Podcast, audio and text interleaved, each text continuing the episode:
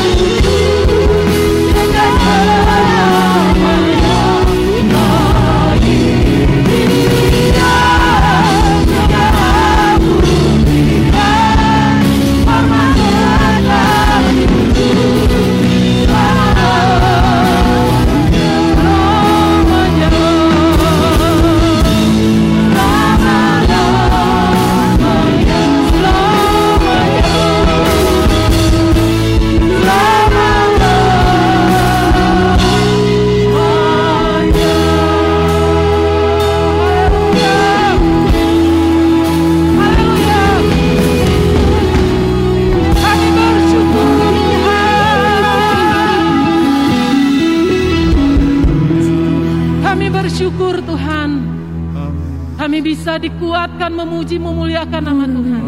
Itu semua karena anugerah Tuhan dalam hidup kami. Kami boleh ada sampai hari ini. Itu semua kasih karunia Tuhan dalam hidup kami. Engkau memberkati setiap kami Bapa, setiap kami yang melayani di tempat ini, setiap jemaat yang ikut beribadah dengan kami di mana pun mereka berada. Terima kasih Tuhan, kami percaya Roh Kudusmu senantiasa menyertai kami. Dari awal, pertengahan hingga akhir dari ibadah kami ini. Kami buka hati kami Tuhan, kami buka pikiran kami, berkarya dalam hidup kami Bapa. Terima kasih Tuhan. Dalam nama Yesus Kristus, Tuhan dan Juru Selamat kami. Amin. Jemaat yang dikasih Tuhan, tak terasa masuk minggu ketiga kita beribadah. Itu semua karena kasih karunia Tuhan. Amin. Mari jemaat yang dikasih Tuhan, kita mau proklamirkan. Kita mau proklamirkan iman kita di hadapan Tuhan. Iman dan keyakinan kita bahwa Yesus kita itu dahsyat. Amin. Amin. Jemaat yang dikasih Tuhan, apa kabarmu? Luar biasa sebab Yesusku dahsyat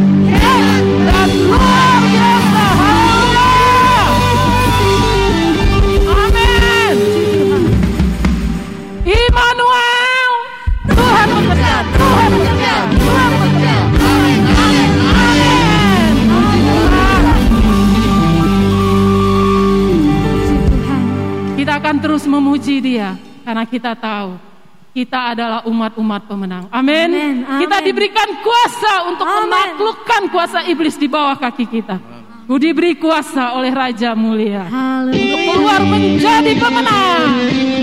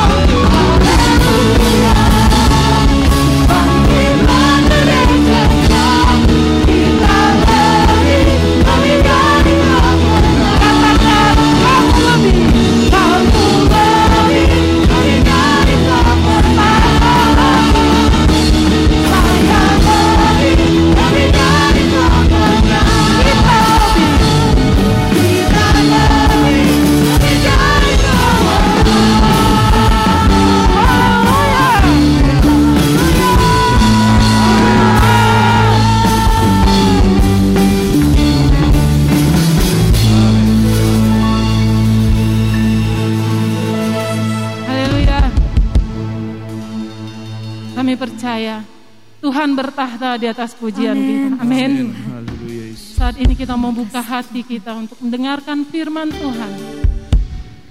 Biarlah firman Tuhan itu yang menjadi kekuatan bagi kita. Amin. Ketika kita lemah, kita dikuatkan. Kita tidak akan kehilangan arah karena kita percaya firman itu berkuasa dari dulu sampai selama-lamanya. Kami datang kepadamu Tuhan. Engkau tidak pernah meninggalkan kami. Kau selalu ada bersama kami Bapa.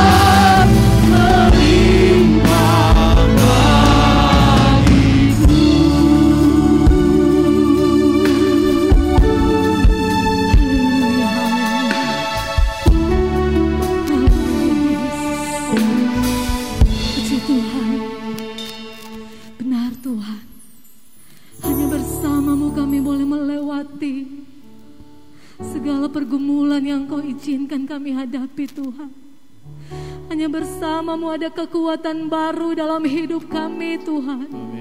Hanya bersamamu Tuhan. Kami boleh melewati setiap musim dalam hidup kami Tuhan. Mungkin saat ini Tuhan, jemaatmu Tuhan di mana pun mereka berada saat ini. Mungkin mereka sedang mengalami kesusahan. Mungkin mereka sedang mengalami pergumulan. Mungkin mereka sedang mengalami berbagai macam pencobaan hidup Tuhan. Namun kami percaya hanya bersamamu Tuhan, hanya bersamamu Tuhan kami boleh kuat melewati segala sesuatu. Terima kasih Tuhan, terima kasih. Bersamalah terus dengan kami Tuhan. Kami percaya Tuhan tidak akan pernah meninggalkan kami. Sekalipun kami ada di dalam lembah kekelaman, ketika kami mengalami duka cita, ketika kami mengalami pergumulan hidup, kami tahu Tuhan ada di sana. Terima kasih Bapa, terima kasih. Kami percaya Engkau sudah bertahta di setiap puji-pujian yang kami naikkan. Engkau bekerja di tempat ini. Engkau bekerja di tempat di mana jemaatmu berada. Engkau bekerja di setiap hati yang rindu. Memberikan sukacita damai sejahtera. Terima kasih Tuhan, terima kasih. Kami siap untuk mendengarkan kebenaran firman-Mu Tuhan. Kami butuh firman-Mu, kami butuh kebenaran-Mu Tuhan. Sebagai pelita bagi kaki kami dan terang bagi jalan kami Tuhan. Kami tidak mau berjalan sendirian. Kami tidak mau melangkahkan kami tanpa Tuhan. Karena itu Tuhan berfirmanlah engkau Tuhan. Apa yang menjadi keperluan kami? Apa yang menjadi kebutuhan? Baik jasmani terlebih rohani Engkau yang paling mengerti. Apa yang kau firmankan di pagi hari ini melalui Bapak Gembala Kami percaya itu adalah kebutuhan kami Tuhan Berfirmanlah engkau Tuhan Dan engkau menguasai setiap tanah hati kami Tuhan Sehingga benih kebenaran firmanmu itu Benar-benar boleh tertanam di dalam tanah hati kami yang paling baik Sehingga benih kebenaranmu Tuhan Itu boleh bertumbuh dan berbuah-buah lebat Untuk hormat kemuliaan nama Tuhan. Kami bersyukur Tuhan. Kami siap Tuhan. Berfirmanlah engkau. Kami siap untuk mendengarkan kami mengucap syukur dan siapkan hati pikiran kami untuk kebenaran firman Tuhan di dalam nama Tuhan Yesus Kristus. Haleluya. Amin. Haleluya. Salam sejahtera dalam kasih Tuhan Yesus Kristus. Hari ini kita akan melihat bagian firman Tuhan yang terambil dari Kolose pasal yang ketiga ayat satu dan ayat yang kedua. Kolose pasal tiga ayat satu ayat dua. Demikian firman Tuhan. Karena itu kalau kamu dibangkitkan bersama dengan Kristus carilah perkara yang di atas di mana Kristus ada duduk di sebelah kanan Allah. Pikirkanlah perkara yang di atas, bukan yang di bumi. Saudara-saudara, hari-hari ini kita sedang berada pada kondisi di mana pengaruh dunia ini membuat seluruh dunia seolah-olah kita ditaklukkan dengan keadaan yang sedang terjadi. Ada satu hal yang saya cermati bahwa hari-hari ini pikiran kita begitu sangat terganggu dengan kondisi, dengan situasi yang terjadi di dunia ini. Tapi mari kita sebagai orang-orang yang percaya kepada Tuhan dan yang mengasihi Tuhan, mari kita selalu membawa pikiran kita. Paulus mengatakan bahwa dia menaklukkan pikiran kepada Kristus. Saudara-saudara, karena itu dia menulis kepada orang-orang yang ada di Kolose untuk tidak seharusnya kita berorientasi dengan kondisi dan keadaan dunia ini sebagai orang-orang yang percaya kepada Tuhan di mana sekarang ini banyak pikiran orang telah ditaklukkan, ditundukkan oleh penguasa dunia ini, saudara-saudara sekalian. Sehingga orang hidup dalam keadaan mana mereka terikat dalam ketakutan, kecemasan, kecewa, frustrasi, bahkan yang lain-lain yang bisa kita sebutkan tentang kondisi ini. Kenapa? Karena masalah pikiran saudara-saudara. Sejak dari awal iblis bermain di wilayah ini. Ketika di Taman Eden, tempat yang Tuhan berikan kepada manusia pertama. Maka di sana iblis memainkan peran di wilayah pikiran ini. Kamu tidak akan mati Malahkan kamu akan menjadi seperti dia. Pikiran mulai dipengaruhi dan akhirnya manusia ditundukkan dalam pikirannya lalu jatuh ke dalam dosa. Saudara-saudara, karena itu kalau kamu dibangkitkan bersama dengan Kristus, carilah perkara yang di atas di mana Kristus ada duduk di sebelah kanan Allah. Ada satu perintah di sini yang membuat kita carilah. Kita cari nilai-nilai yang di atas. Kita cari nilai-nilai kerajaan Allah. Kita cari nilai-nilai di mana Kristus ada duduk di sebelah kanan Allah. Lalu di ayat 2 dikatakan bahwa pikirkanlah perkara yang di atas bukan yang di bumi. Dalam Injil Matius pasal yang ke-16 Ketika kita membaca dalam ayatnya yang ke-23 Yesus memarahi Petrus Yang baru saja Yesus berkata di atas batu karang Petra ini Akan didirikan jemaat Tuhan Tetapi kemudian di ayat yang ke-23 Dalam Injil Matius pasal yang ke-16.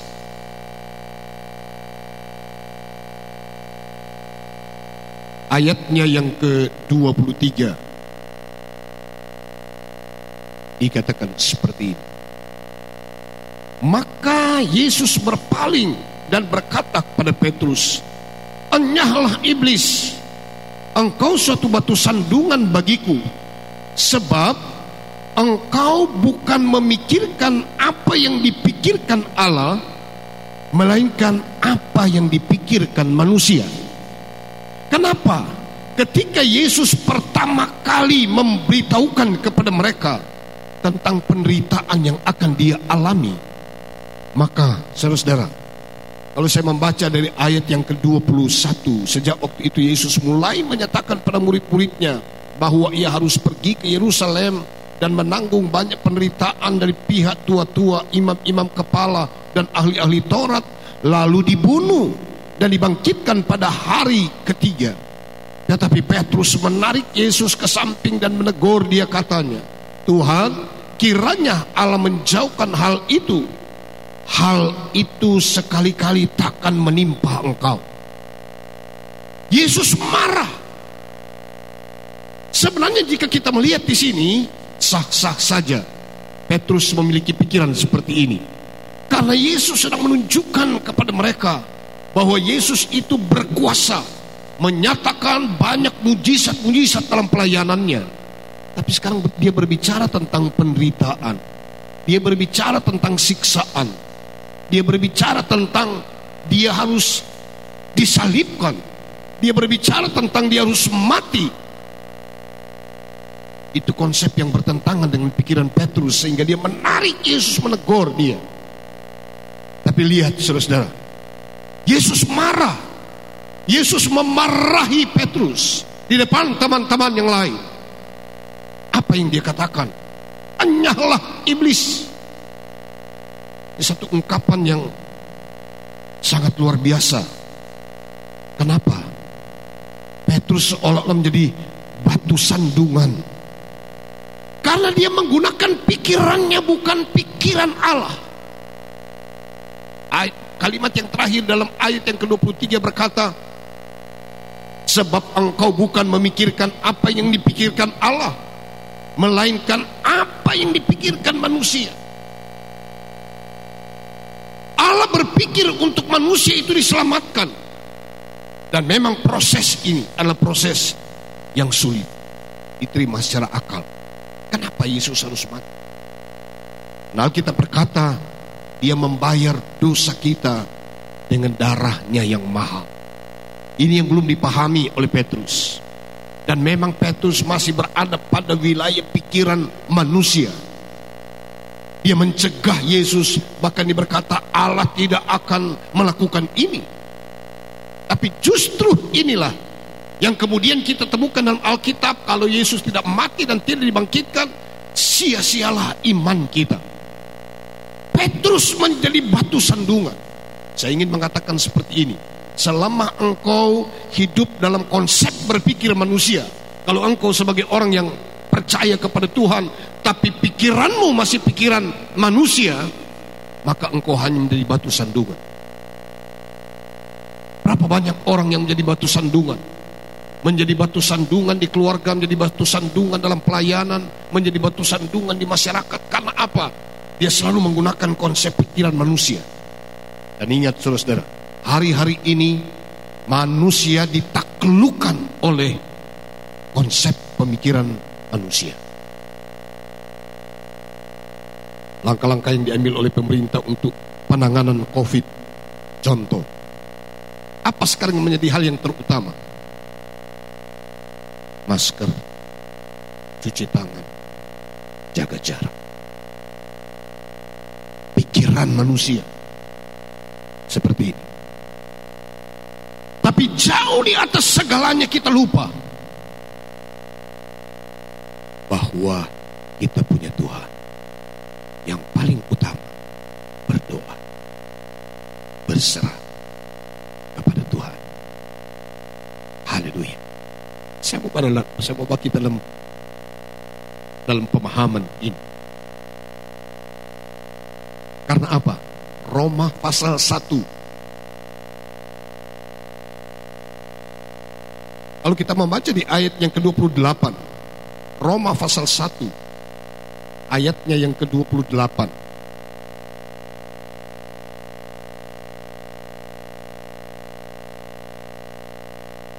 dan karena mereka tidak merasa perlu untuk mengakui Allah maka Allah menyerahkan mereka kepada pikiran-pikiran yang terkutuk sehingga mereka melakukan apa yang tidak pantas. Saya ingin mengatakan seperti ini. Sekarang pikiran manusia ditundukkan untuk kalau boleh tidak ada manusia yang merasa perlu untuk mengakui Allah. Ini kendala yang pertama yang merusak pikiran orang sekarang ini ketika dia tidak merasa perlu untuk mengakui Allah.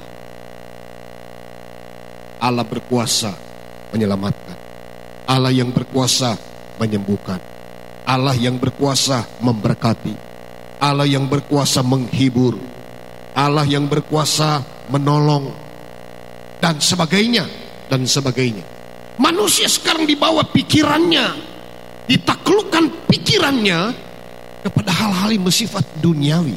Sehingga Allah dia mengatakan di sini, dia me, me, apa namanya?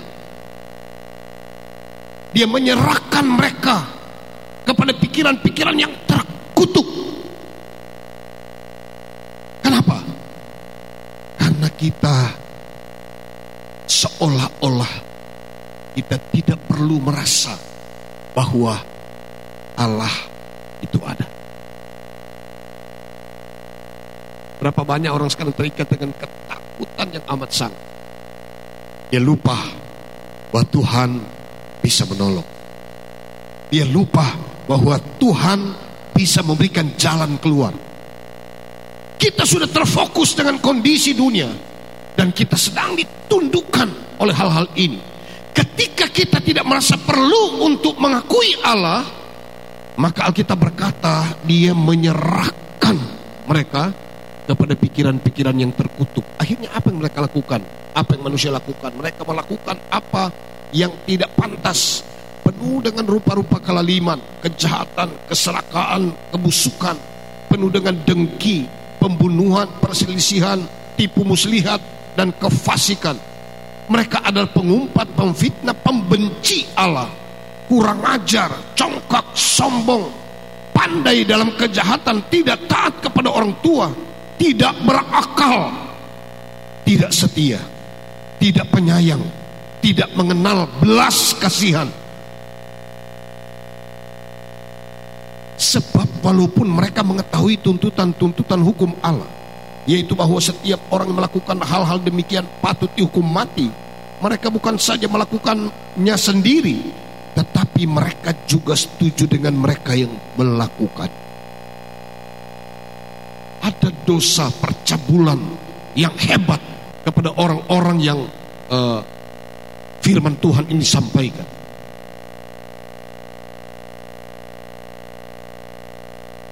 Mereka hidup di dalamnya karena mereka sedang berada pikiran-pikiran yang terkutuk. Sebab persoalannya ada di ayat yang ke-28. Mereka tidak merasa perlu untuk mengakui Allah. Hati-hati saudara. Selama kita berada pada wilayah di mana kita tidak mau tahu tentang Allah. Maka pikiran kita adalah pikiran-pikiran yang terkutuk. Makanya Yesus marah kepada Petrus. Engkau tidak memikirkan apa yang dipikirkan Allah. Yang dipikirkan Allah itu yang terbaik buat kita. Yang setuju katakan amin. Haleluya. Puji Tuhan. Hal yang pertama, ketika pikiran kita ini ditundukkan, ditaklukkan kepada perkara-perkara dunia ini adalah ketika kita tidak merasa perlu untuk mengakui Allah. Tapi saya bersyukur kita semua mengakui Allah. Allah kita hebat, Allah kita dahsyat, Allah kita luar biasa. Allah kita terus menyertai kita. Dia penolong kita, dia sumber berkat, dia penghiburan, dia yang menyembuhkan. Allah kita, Allah yang hebat. Saudara-saudara, makanya kita melihat hal yang kedua. Hal yang kedua yang membuat orang sehingga mereka pikiran mereka dipengaruhi dan ditundukkan oleh dunia ini. Hal yang kedua, 2 Korintus pasal 4 ayat 3 dan ayat 4. 2 Korintus pasal yang keempat ayat 3 dan ayat 4. Jika Injil yang kami beritakan masih tertutup juga, maka ia tertutup untuk mereka yang akan binasa, yaitu orang-orang yang tidak percaya, yang pikirannya telah dibutakan oleh ilah zaman ini, sehingga mereka tidak melihat cahaya Injil tentang kemuliaan Kristus yang adalah gambaran Allah. Yang kedua, orang-orang yang tidak percaya Saudara-saudara, percayalah kepada Tuhan. Akuilah Tuhan.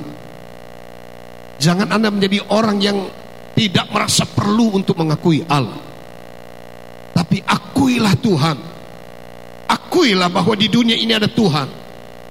Akuilah bahwa Tuhan berkuasa atas segala sesuatu. Dan percayalah kepada Tuhan. Orang-orang tidak mau percaya kepada pemberitaan Paulus tentang Injil. Sebab itu, karena itu pikiran mereka adalah pikiran yang telah dibutakan oleh ilah zaman ini. Banyak ilah sekarang ini. Ya. Kemajuan teknologi bisa membuat kita menjadikan dia ilah melebihi kepercayaan kita kepada Tuhan. Tapi ingat saudara-saudara, Tuhan di atas segala yang ada. Haleluya. Percayalah kepadanya. Karena apa? Saudara-saudara, hikmat manusia itu dibandingkan dengan Tuhan, kalau saja kita bandingkan dalam satu Korintus, dia mengatakan bahwa hikmat manusia itu dibandingkan hanya pada kebodohan Allah seandainya Allah itu bodoh. Ini gambaran sehebat-hebatnya manusia, dia tidak bisa sampai pada kehebatan Tuhan. Karena itu, saudara-saudara, saya mengatakan dari awal tadi, bahwa mari kita memiliki pikiran Kristus. Dalam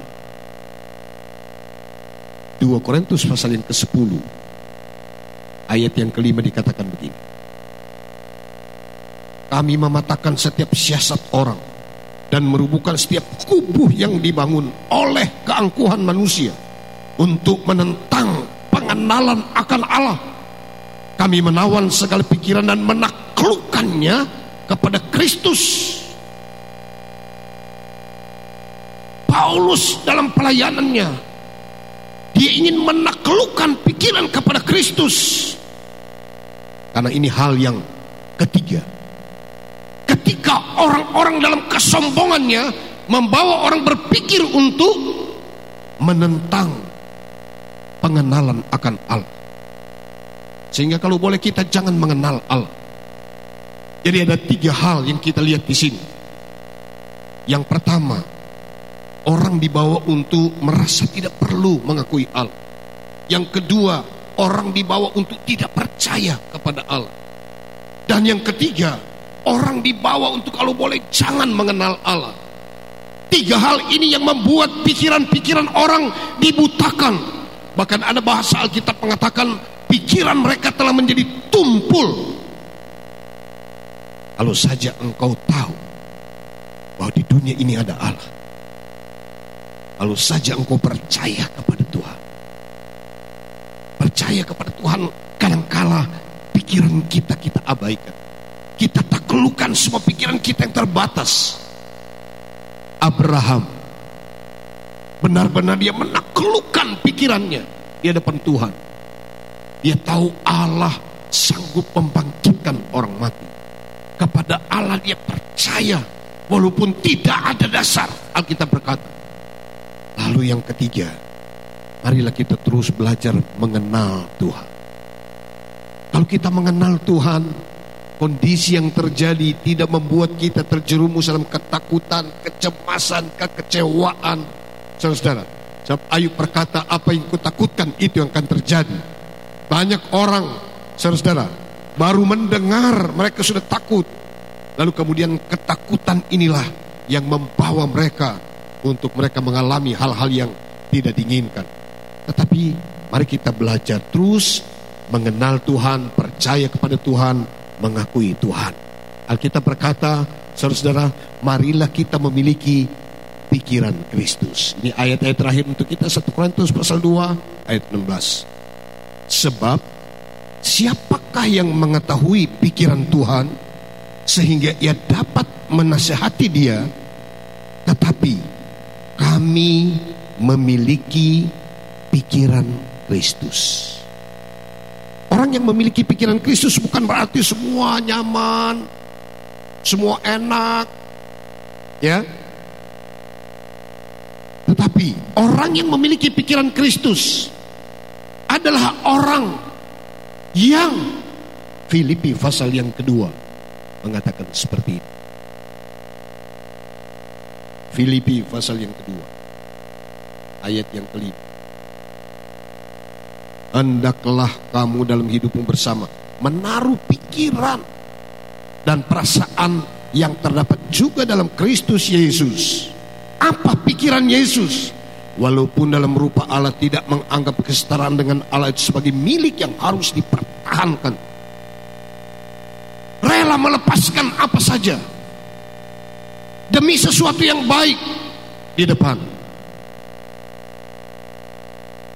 Yang walaupun dalam rupa Allah tidak menganggap kesetaraan dengan Allah itu sebagai milik yang harus dipertahankan melainkan telah mengosongkan dirinya sendiri dan mengambil rupa seorang hamba dan menjadi sama dengan manusia.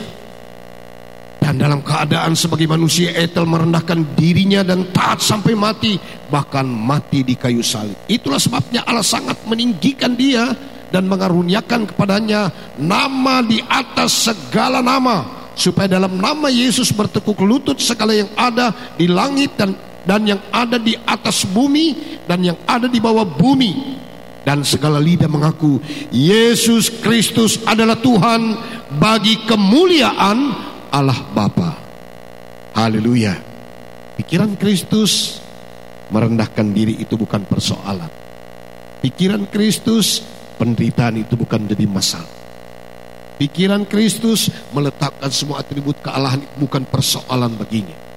Justru karena itu Allah sangat meninggikan dia.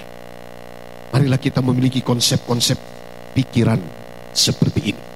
Bahkan ayat yang terakhir saya ingin saya ingin mengatakan bahwa dalam Efesus pasal 3 ayat yang ke-20 20 Tuhan kita dapat melakukan bagi kita jauh melebihi apa yang dapat kita doakan, apa yang mampu kita pikirkan. Tuhan bisa melakukan bagi kita. Haleluya. Pikiran kita begitu sangat terbatas. Efesus pasal yang ketiga, ayat yang ke-20. Saya bacakan ayat ini sebelum masih ada satu ayat yang terakhir untuk kita untuk kita pada hari ini. Dalam pasal yang ketiga, ayat 20. Bagi dialah yang dapat melakukan jauh lebih banyak dari pada yang kita doakan atau pikirkan seperti yang ternyata dari kuasa yang bekerja di dalam kita. Katakan amin. Haleluya. Puji Tuhan. Karena itu sebagai ayat yang terakhir saya akhiri dengan Filipi pasal 4 ayat yang ke-8. Filipi pasal 4 ayat yang ke-8. Jadi, akhirnya, saudara-saudara, semua yang benar, semua yang mulia, semua yang adil, semua yang suci, semua yang manis, semua yang sedap didengar, semua yang disebut kebajikan dan patut dipuji, pikirkanlah semuanya itu. Haleluya. Mari kita selalu berpikir positif. Kita punya Allah yang besar. Kita punya Allah yang hebat. Jangan biarkan pikiranmu ditundukkan oleh dunia ini. Jangan biarkan pikiranmu dipengaruhi hanya oleh kemampuan manusia berpikir. Kita masih dan kita tetap ada Allah yang melebihi segala sesuatu. Apa pun keadaanmu hari ini, saya tidak melihat engkau, saya tidak mengerti engkau. Tapi yang saya hanya ingin sampaikan, berserahlah kepada Tuhan. Taklukkan pikiranmu kepada Tuhan. Jangan izinkan kau hidup dalam ketakutan, dalam kekecewaan, dalam kecemasan, dalam kekhawatiran. Percayalah, kita punya Allah. Haleluya. Tuhan Yesus, dia ajaib, dia dahsyat, dia hebat, dia luar biasa. Dia sanggup menolong saudara. Pikirkan ini. Dia sanggup melepaskan kita. Dia lang dia sanggup membebaskan kita. Haleluya. Dia sanggup menyembuhkan kita.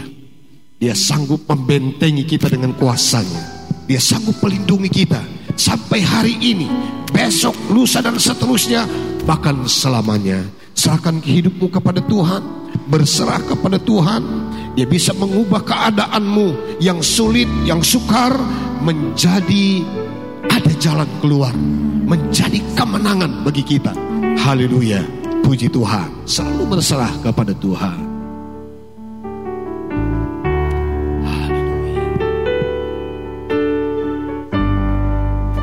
Oh, terima kasih Tuhan. Kami datang dan berserah kepadamu karena kami tahu janjimu ya dan amin.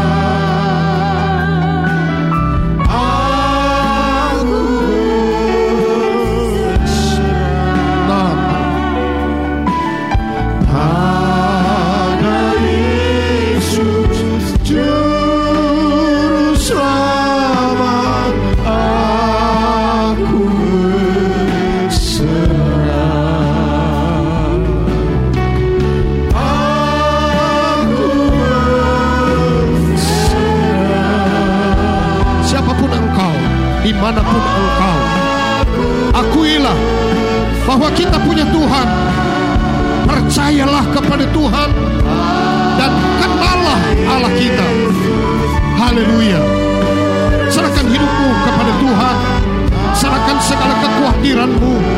Serahkan segala ketakutanmu. Haleluya. Oh,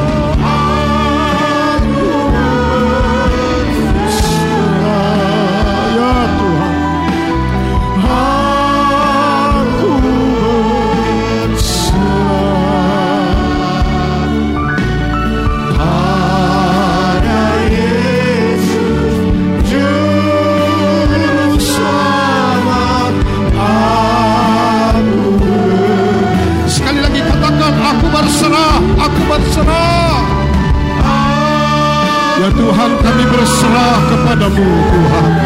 Bagimu tidak ada perkara yang mustahil. Engkau Tuhan yang dapat melakukan bagi kami.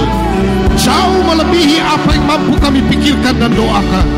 Tuhan hebat, Tuhan dahsyat, Tuhan ajaib, Tuhan luar biasa bagi kami. Karena itu kami berserah kepada Tuhan. Haleluya. Pada Yesus juru selamat. Haleluya. Pada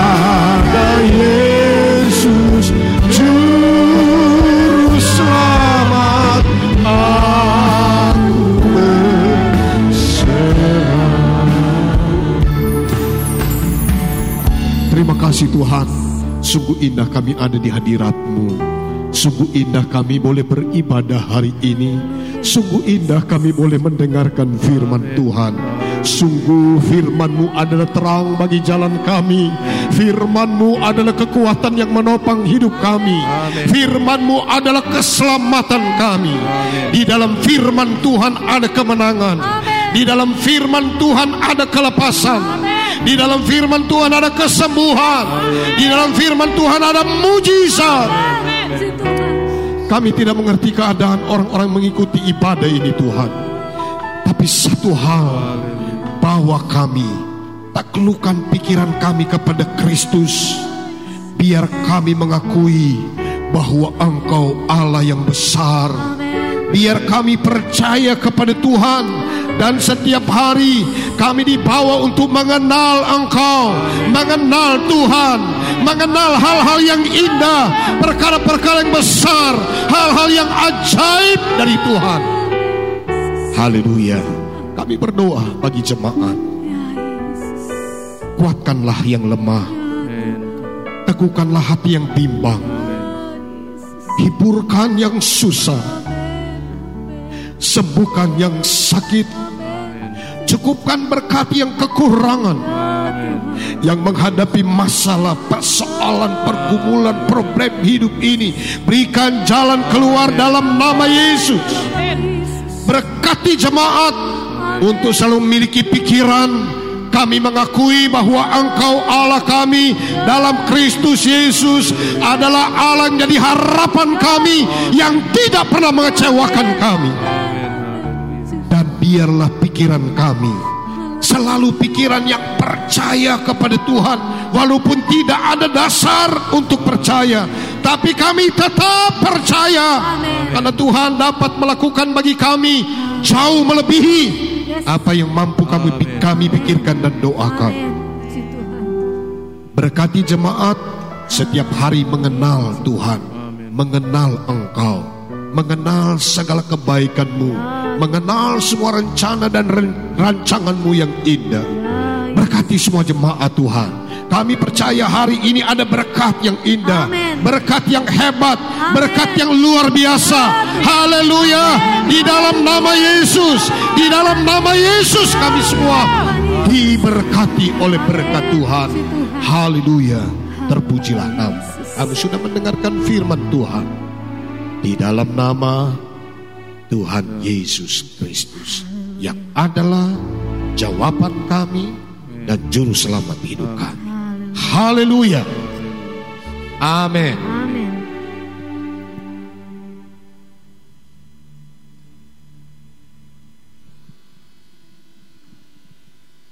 Puji Tuhan, kita sudah mendengarkan firman Tuhan yang memberikan kekuatan bagi kita. Amin. Saat ini kita akan membawa persembahan kita sebagai korban ucapan syukur di hadapan Tuhan.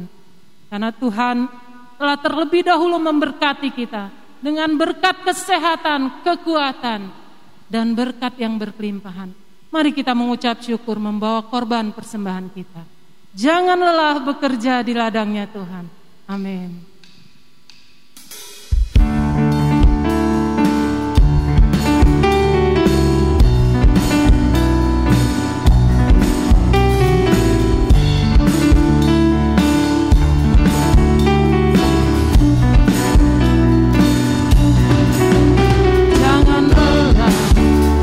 good.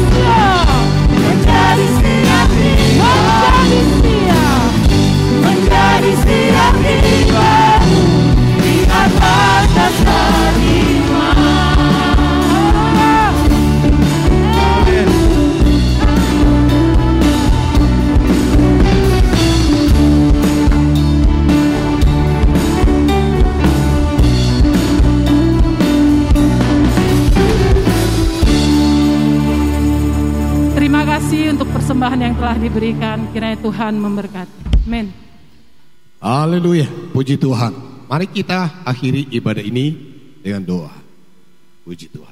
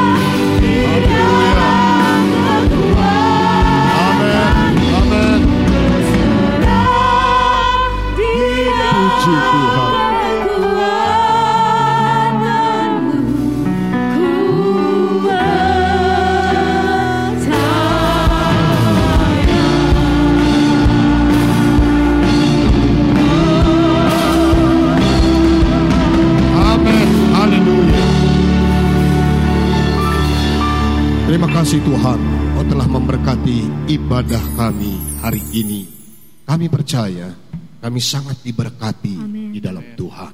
Oleh karena itu menjadi doa kami bagi seluruh jemaat Immanuel di mana pun berada. Tuhan baik yang ada di Rerer maupun di luar Rerer ini. Bahkan di luar daerah sampai di luar negeri, jemaat di mana pun berada, pertolongan Tuhan senantiasa menjadi bagian kami. Kami terus berserah kepada Tuhan, bahagiakan setiap rumah-rumah tangga kami, sehat-sehatkan kami semua, dan segala usaha-usaha jemaat, pekerjaan, mata pencarian, bisnis jemaat, jadikan Tuhan berhasil. Amen. Lindungi kami, jauhkan kami dari segala mara bahaya, celaka, kuasa kegelapan, sakit, penyakit, gangguan tangan orang jahat, roh-roh jahat, perkara dosa dan hal-hal yang merugikan kami kami tolak dalam nama Yesus. Haleluya. Kami hidup diberkati untuk menjadi berkat. Semakin hari semakin indah hidup kami. Percaya kepada Tuhan, mengakui Tuhan bahwa Tuhan Engkau Allah yang menjadi pengharapan bagi kami. Terpujilah namamu, bawa kami terus untuk mengenal Engkau. Dari hari datang pada hari, sehingga hidup ini menjadi hidup yang indah bagi kemuliaan nama Tuhan. Akhirnya kami berdoa buat bangsa dan negara kami Indonesia diberkati Tuhan. Masyarakat dari Sabang hingga Merauke dalam pertolongan Tuhan. Semua kebijakan-kebijakan pemerintah kami baik di pusat, di daerah bahkan sampai di desa-desa. Semua kebijakan ini membawa masyarakat Indonesia dalam keadaan yang baik. Langkah-langkah pemerintah dalam memerangi virus corona. Tuhan tolonglah. Kiranya Engkau memberikan hikmat yang baik. Sehingga langkah-langkah yang diambil juga adalah langkah-langkah yang tidak merugikan masyarakat. Tetapi membawa keuntungan bagi masyarakat. Tuhan memberikan pertolongan, perlindungan bagi bangsa ini. Bebaskan kami Tuhan dari pergumulan menghadapi berbagai Tuhan tantangan hidup di hari-hari ini. Tolonglah Tuhan Engkau memberikan kami kelepasan dan biar Tuhan kami memuliakan Engkau. Terima kasih kami semua dalam perlindungan Tuhan yang ajaib. Inilah doa kami Tuhan. Kami akhiri ibadah ini sambil bersyukur dalam nama Tuhan Yesus Kristus. Haleluya. Saudara-saudara, terimalah berkat kasih karunia dari Allah Bapa kita di sorga kemurahan dari Tuhan Yesus Kristus, dan persekutuan Roh Kudus menyertai kita hari ini, bahkan sampai Maranatha Tuhan datang kembali, kita tetap taat dan setia kepadanya. Hanya di dalam nama Tuhan Yesus Kristus. Haleluya. Bapa